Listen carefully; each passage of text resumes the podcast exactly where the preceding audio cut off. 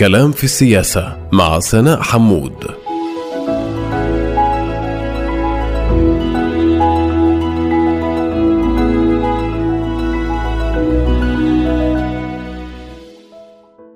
أهلا ومرحبا بكم مستمعاتنا ومستمعينا الكرام في حلقة جديدة من بودكاست كلام في السياسة الذي سنتناول في إطاره تحليلات معمقة بمنظور أوسع حول قضية هامة أو شخصية مفصلية تركت وقعها وأدت إلى تحولات لافتة في المشهد السياسي. أنا سناء حمود وفي هذه الحلقة اخترنا أن نتوقف وإياكم عند قضية انشغلت وما تزال تشغل العالم وهي الأزمة الأوكرانية الروسية عقب تفاقمها في الآونة الأخيرة دافعة إياها إلى صدارة الأنباء العالمية والمحلية لما تحمله من احتمالات نشوب حرب وشيكه بين البلدين وتداعيات ذلك على مستوى العالم والمنطقة. ما الذي نعرفه عن هذه الأزمة؟ لماذا تقلق الدول الغربية؟ ما الذي تريده روسيا من أوكرانيا؟ ما علاقة حلف شمال الأطلسي أو ما يسمى بالناتو بهذه الأزمة؟ لماذا نشهد ترددا اوروبيا؟ ولماذا يصفها المراقبون بأنها واحدة من أكثر الأزمات حدة منذ الحرب الباردة؟ موضوع حلقة اليوم من كلام في السياسة الأزمة الأوكرانية الروسية الراهنة صراعات قوى بين البلدين أم انزلاق وشيك إلى فوهة حرب دولية؟ ولفهم هذه القضية الهامة بأبعادها السياسية المختلفة يسعدني أن أرحب في هذا الحوار بضيفين. هما الخبير في شؤون الشرق الأوسط وروسيا في معهد القدس لدراسات الأمن والاستراتيجيات ألكسندر جرينبرغ والزميل الصحفي المختص في الشؤون الأمريكية محمد القاسم.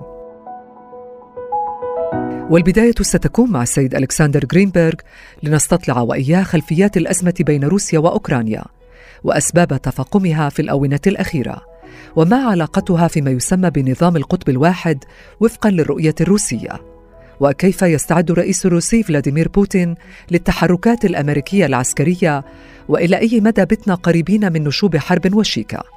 وماذا عن تداعياتها الدولية المرتقبة؟ وهل من تأثيرات محتملة على منطقتنا؟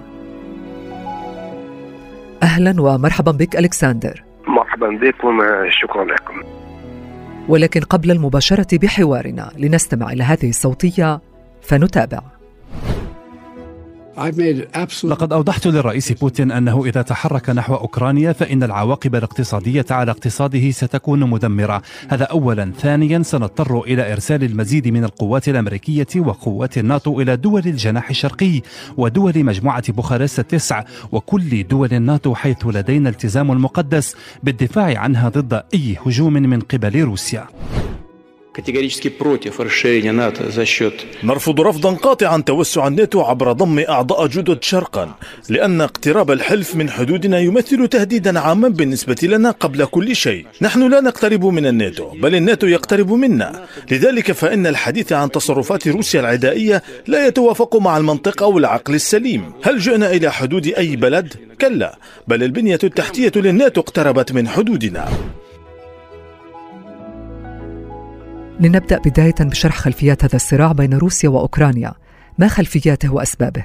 خلينا نحاول إعادة النظر في بداية الصراع السبب الرئيسي هو في سنة 2000 حين انتخب الأوكرانيين الرئيس آه الذي سبب استياء موسكو. هذا هو السبب الرئيسي. لا أي صراع في مناطق أو الشيء الثاني آه روسيا آه لم تعترف حتى الآن بمبدأ تقرير المصير للشعوب التي كان بسيطرتها سابقا. هذا هو السبب الرئيسي. كل الأبعاد الأخرى موجودة. صحيح هذا موجود ولكن تلك المبادئ ليست السبب السبب هو هذا روسيا غير مستعدة لمجرد المبدأ إنه أي شعب من شعوب روسيا سابقا يقرر مصيره بدون موافقة روسيا، هذا هو السبب. ولكن ما الذي أدى فعليا إلى تأجج الأوضاع مجددا بين الطرفين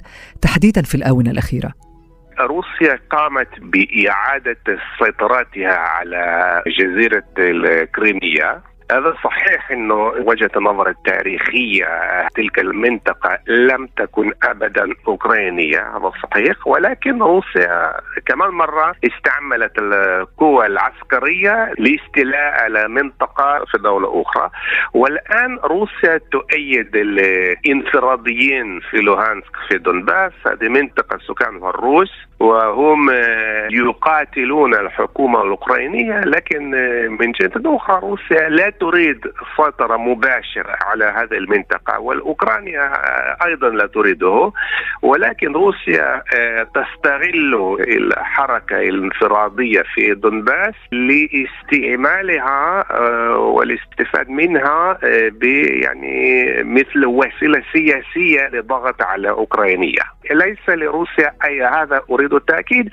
أن حسب ما يرى ويبدو لروسيا ليس لها أي قصد بكل جيشها بل تستعمل مظاهر القوى العسكرية تبعتها للتخويف للتخويف ولابتزاز الغرب والأمريكا لأي أرباح آه، مهما كانت للسياسة الروسية. وبالحديث عن الغرب ورغبة أوكرانيا للتقرب منه وكذلك للانضمام لحلف شمال الأطلسي أريد أن أسألك سيد ألكسندر جرينبرغ لماذا يثير ذلك هذا السخط الكبير لدى روسيا؟ هل لك أن توضح لنا الأمر؟ هذا صحيح شكرا لك. على السؤال وهذه مثال للأكذوبات الروسية. لأن أوكرانيا على الأقل آه الآن لم تعلن أبدا إرادتها لانضمام لحلف الشمال الأطلسي ولا أي بلد لا أي بلد في أوروبا لم يقل ابدا إنه في اليوم الاثنين أوكرانيا راح تنضم للحلف الأطلسي، صحيح إن روسيا لأي دولة أو الدولة الكبرى مثل روسيا وامريكا لها مصالح بعدم انضمام الدول الأخرى للحلف الخصوم. هذا صحيح. ولكن لم تكن أوكرانيا ذلك. إنه هذه أكذوبة روسية لتبرير العدوان تبعها لأن روسيا تكرر أي شيعات أو أفكار التي كانت موجودة بل هذه الأفكار يعني هذه مش سياسة أوكرانية واضحة.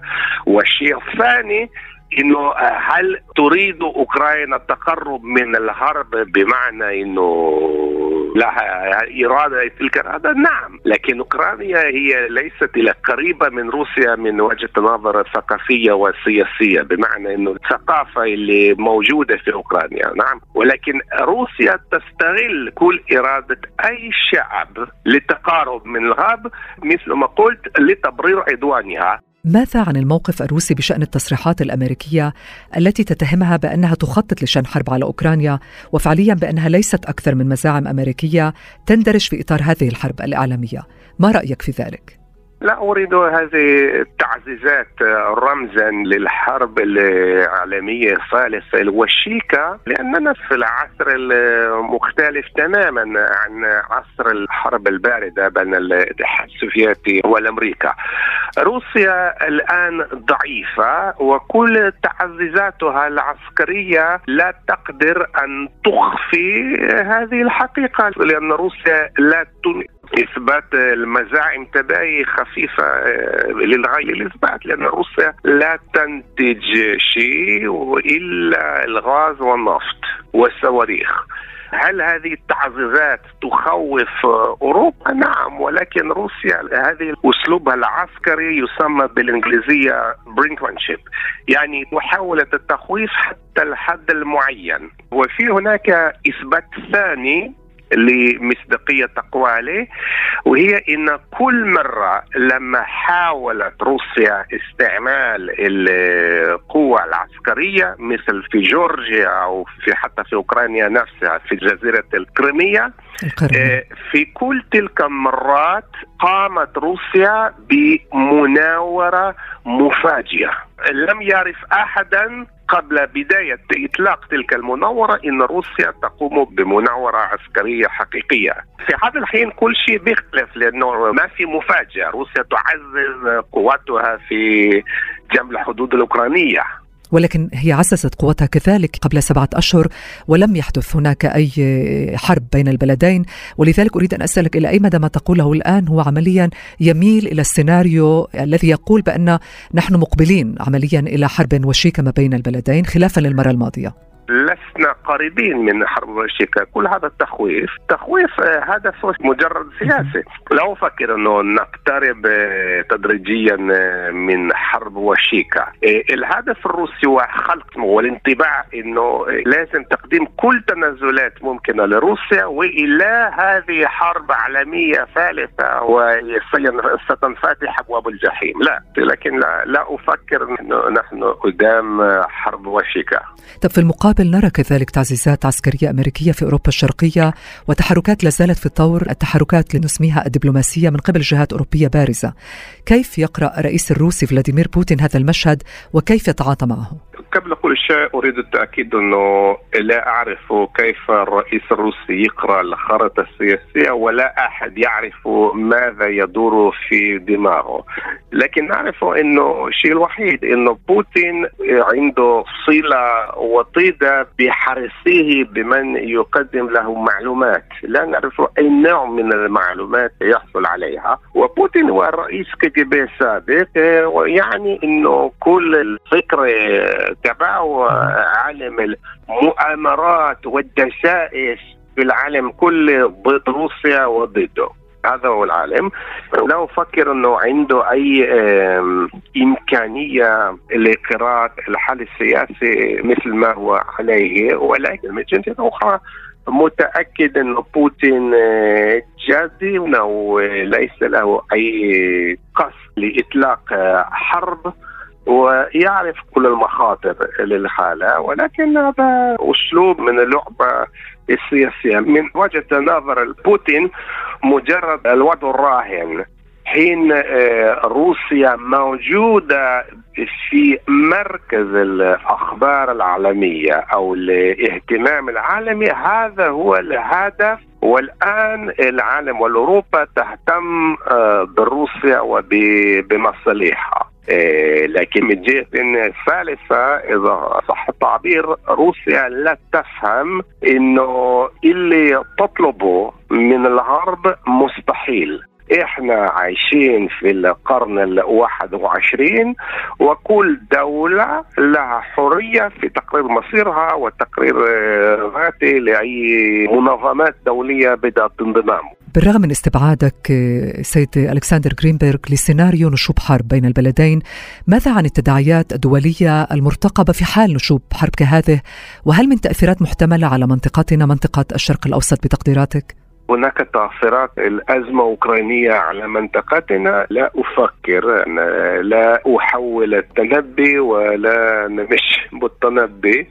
لا أعرف ولكن آه، من وجهة النظر المنطقية لا أفكر أن هناك أي تأثيرات آه، تأثيرات غير مباشرة بأنه كل من ناحية أمريكا أفكر أن كل الاشتغال الأمريكي بالأزمة أو بإيران أو بأوكرانيا هذا شيء ثاني بأهميته بعد باب الصين.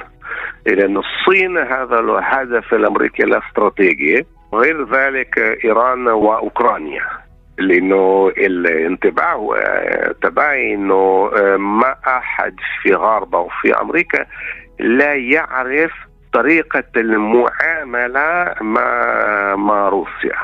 طيب بسؤال أخير سيد ألكسندر ماذا عن موقف إسرائيل من هذه المسألة؟ هل من انحياز ربما لطرف ما بالرغم من المصالح المتشابكة لإسرائيل مع طرفي النزاع؟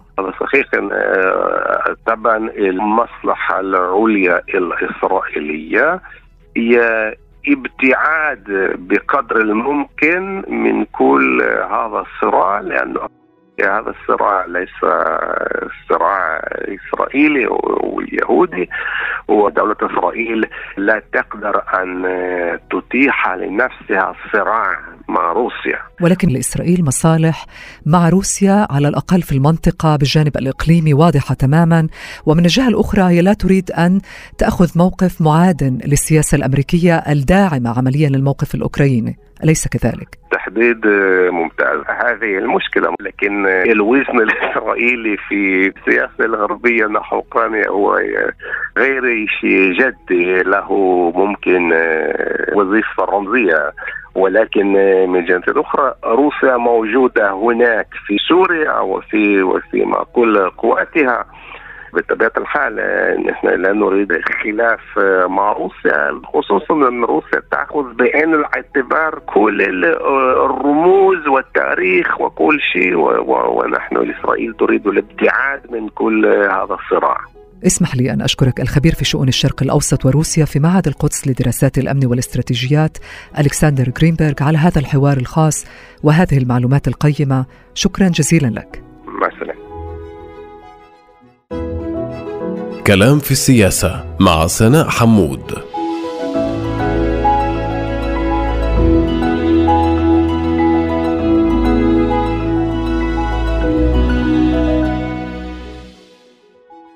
أهلا ومرحبا بكم مجددا في كلام في السياسة. أنا سناء حمود ومعي زميلي الصحفي محمد القاسم لمتابعة حوارنا حول الأزمة الأوكرانية الروسية الراهنة صراعات قوى بين البلدين أم انزلاق وشيك إلى فوهات حرب دولية. أهلا ومرحبا بك محمد. أهلا أهلا. لو نبدأ بداية بتوضيح موقف إدارة الرئيس الأمريكي جو بايدن من الأزمة بين روسيا وأوكرانيا وما هو دور الولايات المتحدة فعليا في هذا الصراع؟ إدارة الرئيس جو بايدن تعتقد أن الحكومة الروسية والرئيس بوتين لديه العزم على اجتياح أو غزو أوكرانيا. وتعتبر الولايات المتحدة هذا العمل آه، خطير. اولا لأنه ربما آه، يجلب القوات الروسية إلى حدود حلف الناتو، نحن نعرف أن بولندا آه، لديها حدود مشتركة مع أوكرانيا، هناك قواعد عسكرية لحلف الناتو في بولندا وأيضا في رومانيا. وتعتقد الولايات المتحدة وتحاول أن تقنع بقية حلفائها الغربيين بأن لدى الرئيس بوتين طموحات أوسع من فقط أوكرانيا. طموحاته ربما تصل إلى أن يضع قوات على الحدود مع بولندا على الحدود مع رومانيا وأيضا أن يضع في كييف رئيس وحكومة موالية لموسكو. هذا التخوف أيضا يأتي أن الرئيس بايدن في وضع صعب جدا. الرئيس بايدن والديمقراطيين عندما كان الرئيس السابق دونالد ترامب في البيت الأبيض كان ينتقد وبشكل كبير بشكل شرس بأنه صبي بوتين بأنه لا يتعامل بقوة ضد روسيا وضد التوسع والسياسة الروسية، الآن جاء الديمقراطيين إلى البيت الأبيض، الرئيس بايدن الذي لطالما هو والديمقراطيين انتقدوا آه، ترامب، الآن هم تحت المجهر.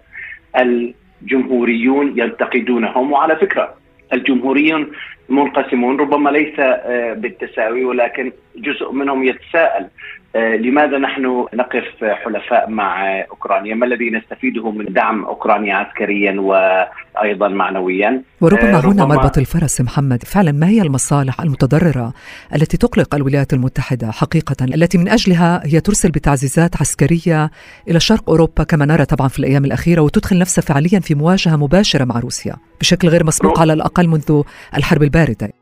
أو ربما من الحرب العالمية الثانية. أعتقد صحيح. أن أي شرارة أي آه، حركة وإن لم تكن مقصودة ربما تؤدي إلى إشعال حرب عالمية ثالثة.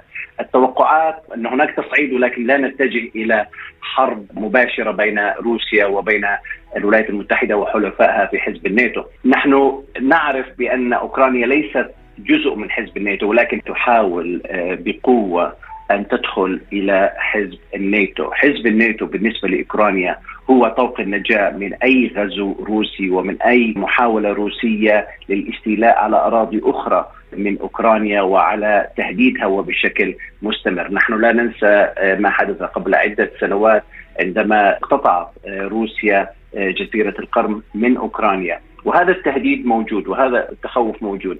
لا يريد آه، الرئيس بايدن ولا حتى الأوروبيين أن يتم استعادة هذا السيناريو عندما تقتطع أو تغزو روسيا أوكرانيا وتضع رئيس وحكومة موالية لها. لأن هذه هي ما يعتقد الأوروبيين وخصوصا البيت الأبيض سياسة بوتين. هو إعادة إحياء الاتحاد السوفيتي وهذا هو مربط الفرس وأنه التخوف من أن بوتين الآن في موقع يؤهله للتوسع العسكري للتوسع السياسي لإعادة خلق وإحياء الاتحاد السوفيتي وهذا ما يخيف الولايات المتحدة كثيرا. المشكلة هنا أن ربما حلفاء الولايات المتحدة في أوروبا ليسوا كلهم على نفس الصفحة، ليس كلهم يؤمنون بأن التوجه والتعامل مع روسيا هو نفس التوجه الذي تريده الولايات المتحدة وهو التصعيد وهو عقوبات قاسية جدا ربما تطال الرئيس الروسي بوتين. وهنا أتحدث خصوصا عن ألمانيا التي هي في وضع آه، صعب جدا. آه، نحن رأينا الذبذبة في التصريحات الألمانية من قبل المستشار الألماني الذي بداية قال بأنه لن يرسل أسلحة إلى أوكرانيا بأن امدادات الغاز ومشروع الغاز نورث ستريم مع روسيا مستمر. لم يقل بأن ألمانيا ستشارك في عقوبات إذا طالت بوتين.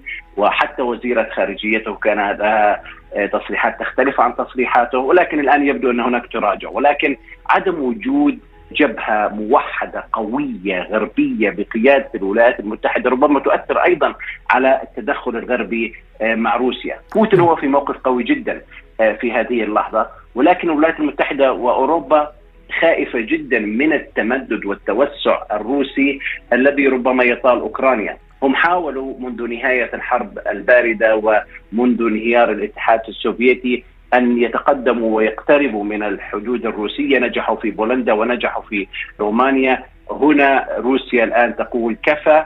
يريدون ضمانات ابتعاد حلف الناتو عن حدودهم وضمانات بأن يوقف حزب الناتو التوسع في أوروبا الشرقية. طب نحن سنتحدث بعد قليل على قضية الموقف الأوروبي ولكن في المقابل نحن نرى مسارا دبلوماسيا أمريكيا روسيا موازيا سيد محمد القاسم كيف لنا أن نفهم ذلك إسقاط واجب أمنية حقيقية للتوصل إلى تفاهمات؟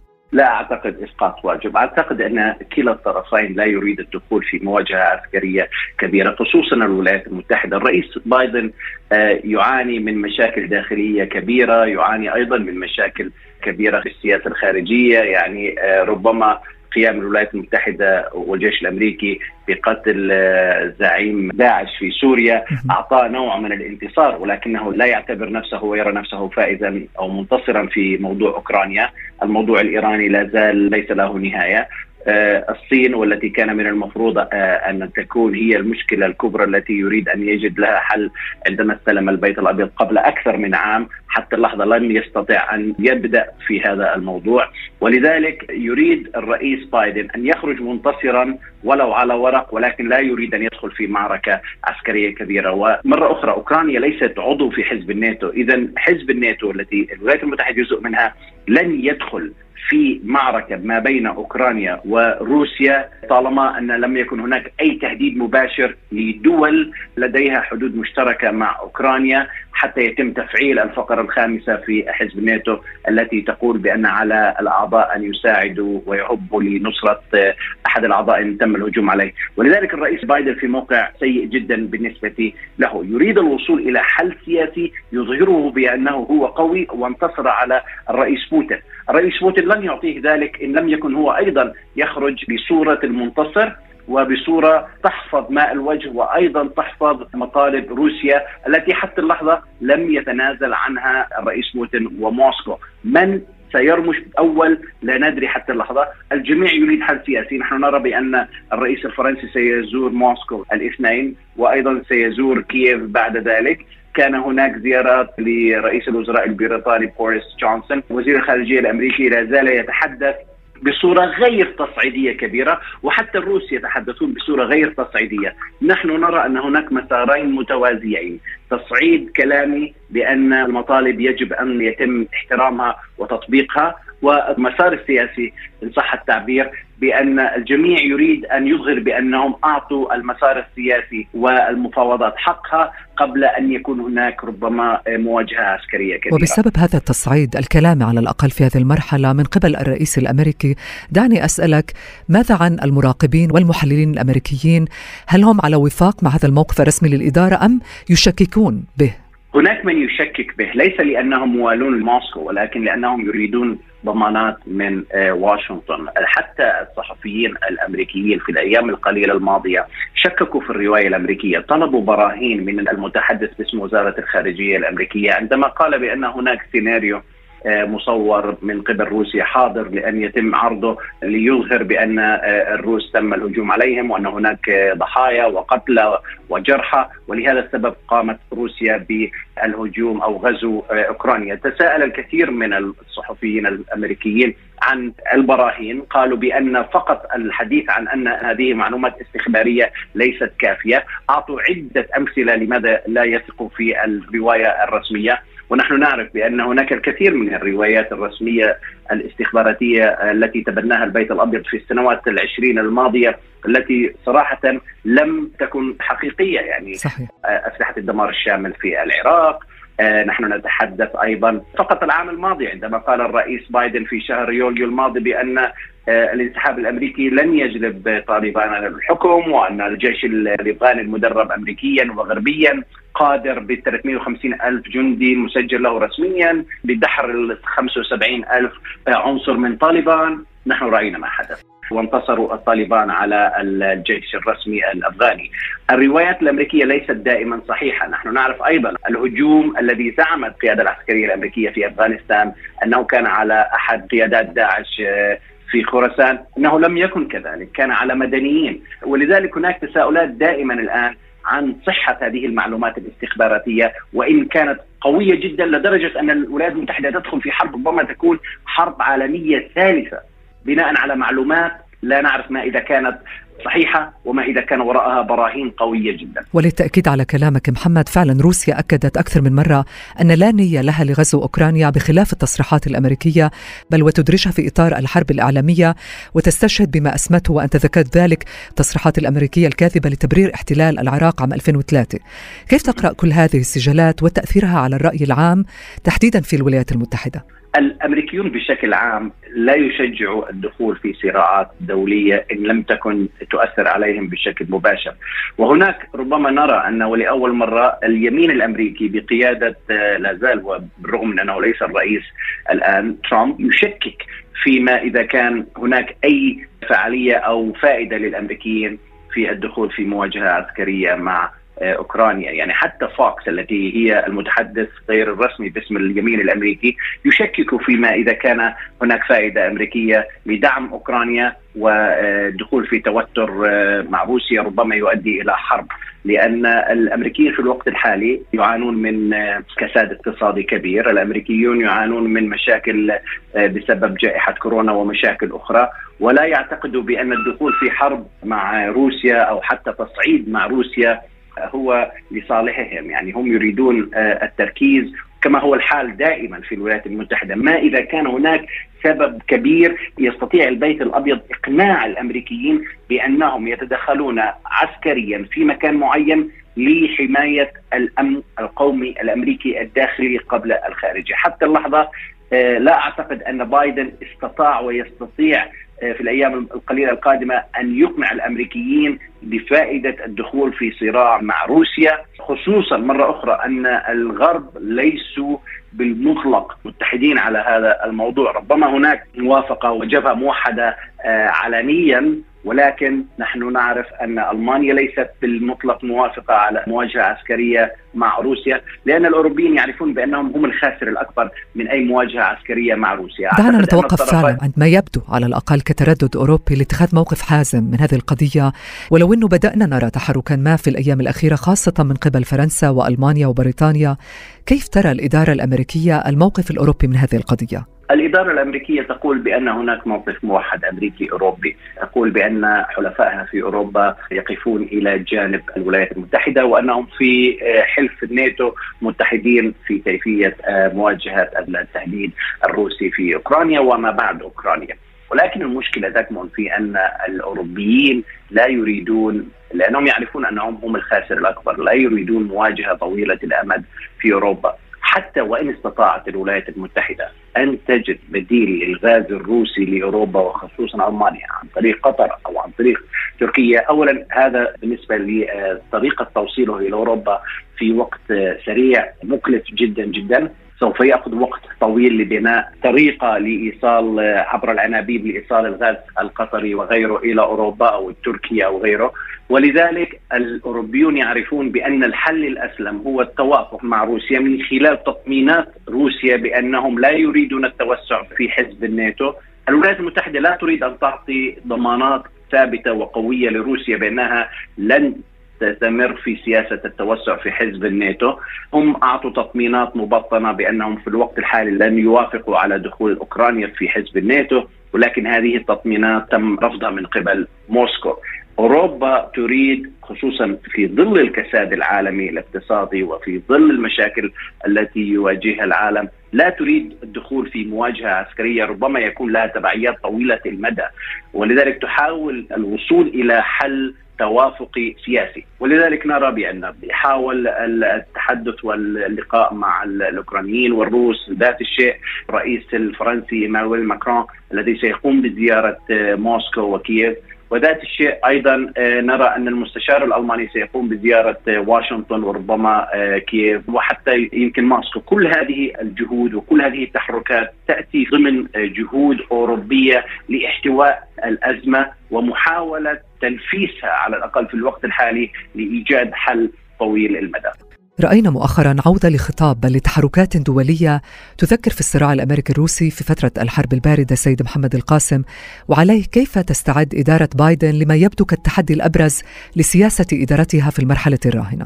لا أعتقد أن الرئيس جو بايدن وإدارته كانت تعتقد أن سوف يكون هناك مشكلة كبيرة مع روسيا. لطالما رأى الرئيس بايدن وإدارته بأن الصين هي التهديد الأكبر للولايات المتحدة. ولكن الآن يأتي التهديد الروسي كذلك تنظر إليه الإدارة الأمريكية وتحاول احتوائه تحاول التعامل معه بطريقة التي ربما على الأقل يتم تخديرها أو وقف هذه المشكلة، هذه أزمة كبيرة لم تتوقعها الإدارة الأمريكية، ونحن رأينا أمر آخر حدث في ال 24 ساعة الماضية التي أيضا عقدت من عملية تهدئة الأمور قوت من الموقف الروسي وهو لقاء الرئيس بوتين مع الرئيس الصيني خلال احتفالات افتتاح الأولمبياد الشتوية. وكان هناك بيان طويل وبيان شراكي وضع بكين وموسكو في موضع الشركاء في سياستهم الخارجية. وهذا الأمر يقلق أيضا الأوروبيين يقلق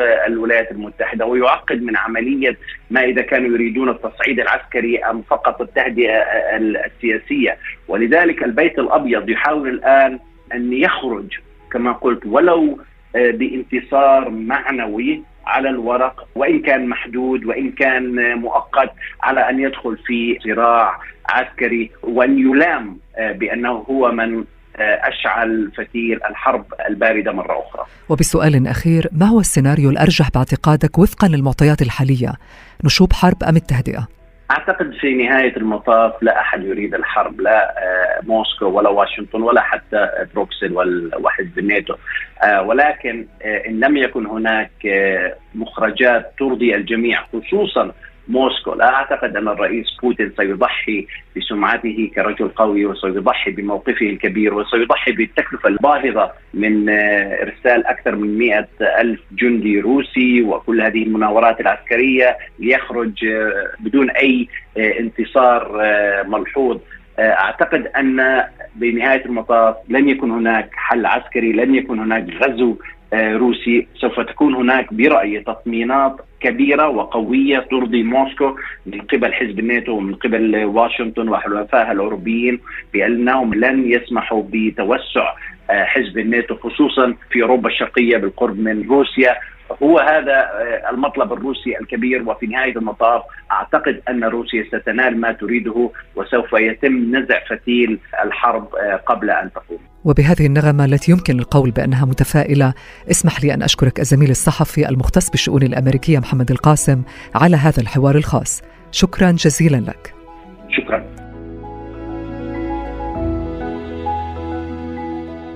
كان هذا كلام في السياسة شكرا لكم مستمعاتنا ومستمعينا الكرام على حسن الاستماع. أطيب التحيات لكم أينما كنتم. دمتم بكل خير. كلام في السياسة مع سناء حمود.